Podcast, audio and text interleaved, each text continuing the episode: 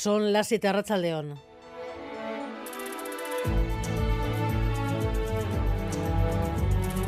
Gambara con Arancha García. Israel ante la justicia internacional por la masacre en Gaza. Sudáfrica ha hecho lo que ningún país hasta ahora, acusar directamente al gobierno Netanyahu de incitar al genocidio de la población palestina. Con datos, más de 23.000 muertos, miles de personas pasando hambre, sin casa, sin atención médica, casi dos millones de desplazados, con declaraciones de altos mandos del ejército para tratar de probar que hay una estrategia para acabar con la población civil. Los genocidios nunca se declaran por adelantado, pero esta Corte cuenta con las evidencias de las últimas 13 semanas que muestran sin duda un modelo de conducta e intención que justifica una declaración verosímil. ¿De qué se trata? De actos genocidas. Amaya Portugal, Arracha León. Bombardeos sin objetivos concretos, inmensa mayoría de civiles entre las víctimas mortales, desplazamientos masivos y pegas para dejar entrar ayuda humanitaria. Es el resumen que ha hecho el equipo legal de Sudáfrica de lo ocurrido en estas últimas 13 semanas en Gaza. Entienden que Israel va mucho más allá de Hamas, que ve a su enemigo incrustado en la vida palestina en la franja. De ahí la acusación de intenciones genocidas. Hoy era el turno de Sudáfrica en esta vista con máxima expectación en la Corte Internacional de Justicia. Mañana será Israel quien se defenderá y lo hará probablemente atacando.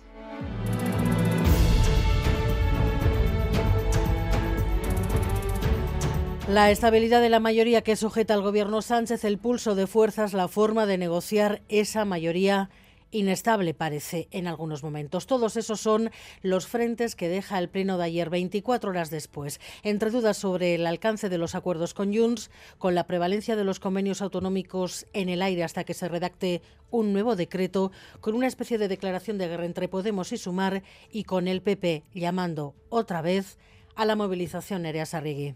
Sí, sonríen ante las cámaras, pero ya no hay tanta euforia entre los miembros del gobierno de Pedro Sánchez. Han recibido un aviso de sus socios, de quienes han hecho posible que se hayan salvado dos decretos. No pueden llevar todas las negociaciones al límite, tienen que ser conscientes de que no tienen mayoría y negociar más. El presidente se centra, no obstante, en quienes votaron no. Esta tarde les ha lanzado este mensaje. Me gustaría pedir a quienes ayer se opusieron a, dos reales decretos importantes que reconsideren su estrategia, que abandonen una oposición, a mi juicio, destructiva, contraria a la mayoría social y que antepongan siempre el interés del país a cualquier otro. Respuesta al PP que anuncia que vuelve a salir a las calles a finales de enero. Los socios piden al Gobierno otra forma de negociar el Lendakari seguridad jurídica. Un Estado, un país, una nación deben ofrecer eh, seguridad jurídica y estabilidad. Lo que sucede en el conjunto del Estado español y particularmente por la situación de la política en el Estado español nos afecta también en cuanto a la interpretación de la seguridad jurídica o de la fiabilidad o de la credibilidad o de lo que es la garantía también para las inversiones que puedan ser también en Euskadi. En Gambara hablamos en unos minutos con una de las protagonistas del pleno de ayer, con la portavoz de Podemos, Isa Serra.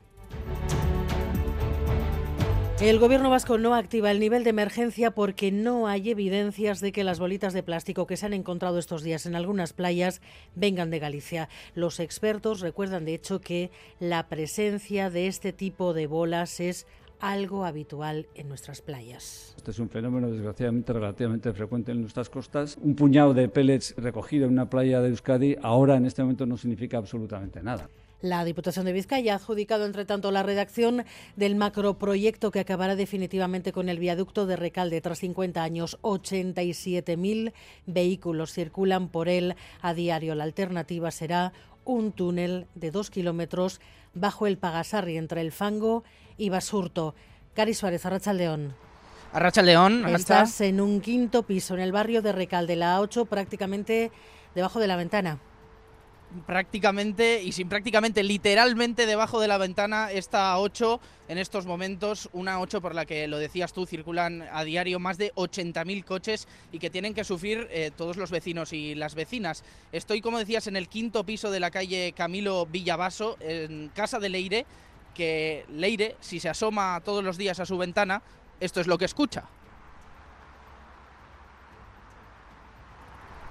coches, eh, furgonetas, camiones a diario pasando constantemente, así que vamos a hablar con ella. Leira Racha León. Arracha León. Bueno, lo primero, gracias por dejarnos subir a tu casa. Y te quiero preguntar simplemente eh, qué es para ti vivir con esto al lado de casa, a escasos seis metros, eh, y qué supondría derribar el viaducto para ti y para el barrio. Pues esto causa mucho ruido, eh, hay gente que trastorno incluso para conciliar el sueño, mucha suciedad y lo más importante de todo que es peligroso porque no es la primera vez que caen cosas. ¿Y qué supondría? Pues paz, seguridad y limpieza y vivir tranquilos.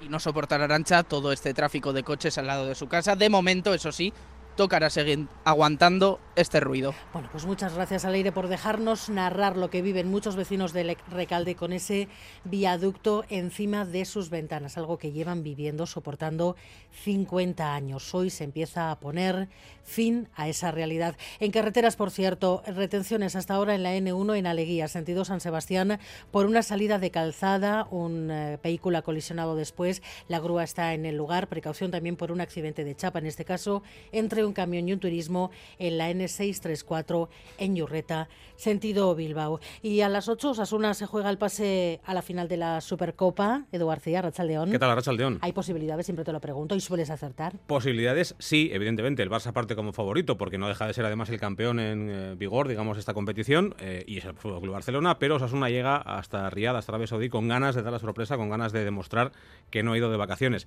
Ya disponemos del 11 que va a poner Diego Barasate sobre el verde, en principio con tres centrales. Sergio Herrera va a estar en la portería, con David García, Catena y Juan Cruz como los tres centrales, Areso y Rubén Peña por los laterales, centro del campo para Iker Muñoz, Aymar Oroz, Moy y Arnaiz, y ante Budimir como jugador más adelantado. Por parte del Barça van a salir Iñaki Peña en portería, Valde Christensen, Araujo y Cundé en defensa, centro del campo para Sergio Roberto, Frenkie de Jong y Gundogan, y arriba Rafinha, Ferran Torres y Lewandowski.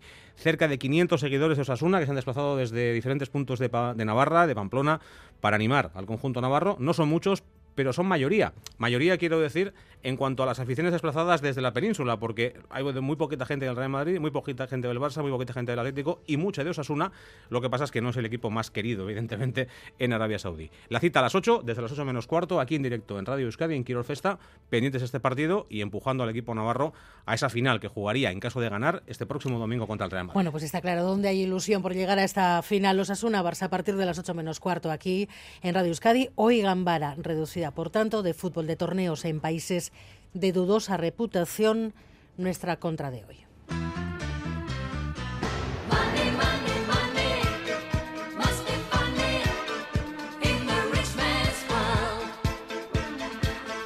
John Fernández Moro. Poderoso caballero es don dinero, dice el refrán, y Arabia Saudí nos está demostrando que es verdad. En Riyadh juega hoy Osasuna la Supercopa, pero también se está disputando en territorio saudí el Rally Dakar. Fórmula 1, golf, quieren extenderse al tenis, organizarán los Juegos Asiáticos, ojo, de invierno en 2029 y el Mundial de Fútbol, que el año pasado fue en Qatar, será saudí en 2034. Hasta Arabia han ido muchos futbolistas de primer nivel, como Cristiano Ronaldo, pero no todos piensan igual. El madridista Tony Cross dijo que esas eran decisiones por el dinero y contra el fútbol y añadió que la falta de derechos humanos le impediría irse. El público saudí, muy madridista por cierto, le hizo ayer saber su opinión. Fue abucheado cada vez que tocó el balón. Maravillosa afición tuiteó tras el partido, pero no solo hubo silbidos para él, también para el fallecido Franz Beckenbauer. Así sonaba el minuto de no silencio por una leyenda del fútbol. Recuerden que la Supercopa se juega en Arabia, dijo el entonces presidente de la Federación Luis Rubiales, para lograr la igualdad en la sociedad saudí. Vamos a ir encantados a colaborar con, en este caso, con la Federación de Arabia Saudí. Las mujeres y hombres acudirán al estadio en igualdad pero la realidad es muy distinta. En el hotel eh, he ido hoy a preguntar si podía ir al gimnasio y me han dicho que las mujeres solo podemos ir de 6 de la mañana a 8. La enviada especial de la COPE, por ejemplo, ha dejado claro que la igualdad pues no ha llegado o madrugas para ir al gimnasio si eres mujer o no puedes ir porque en él hay hombres. Y cuidado con las muestras de afecto. El Barcelona, por ejemplo, ha recomendado a sus aficionados que limiten las demostraciones de afecto, más aún si son homosexuales.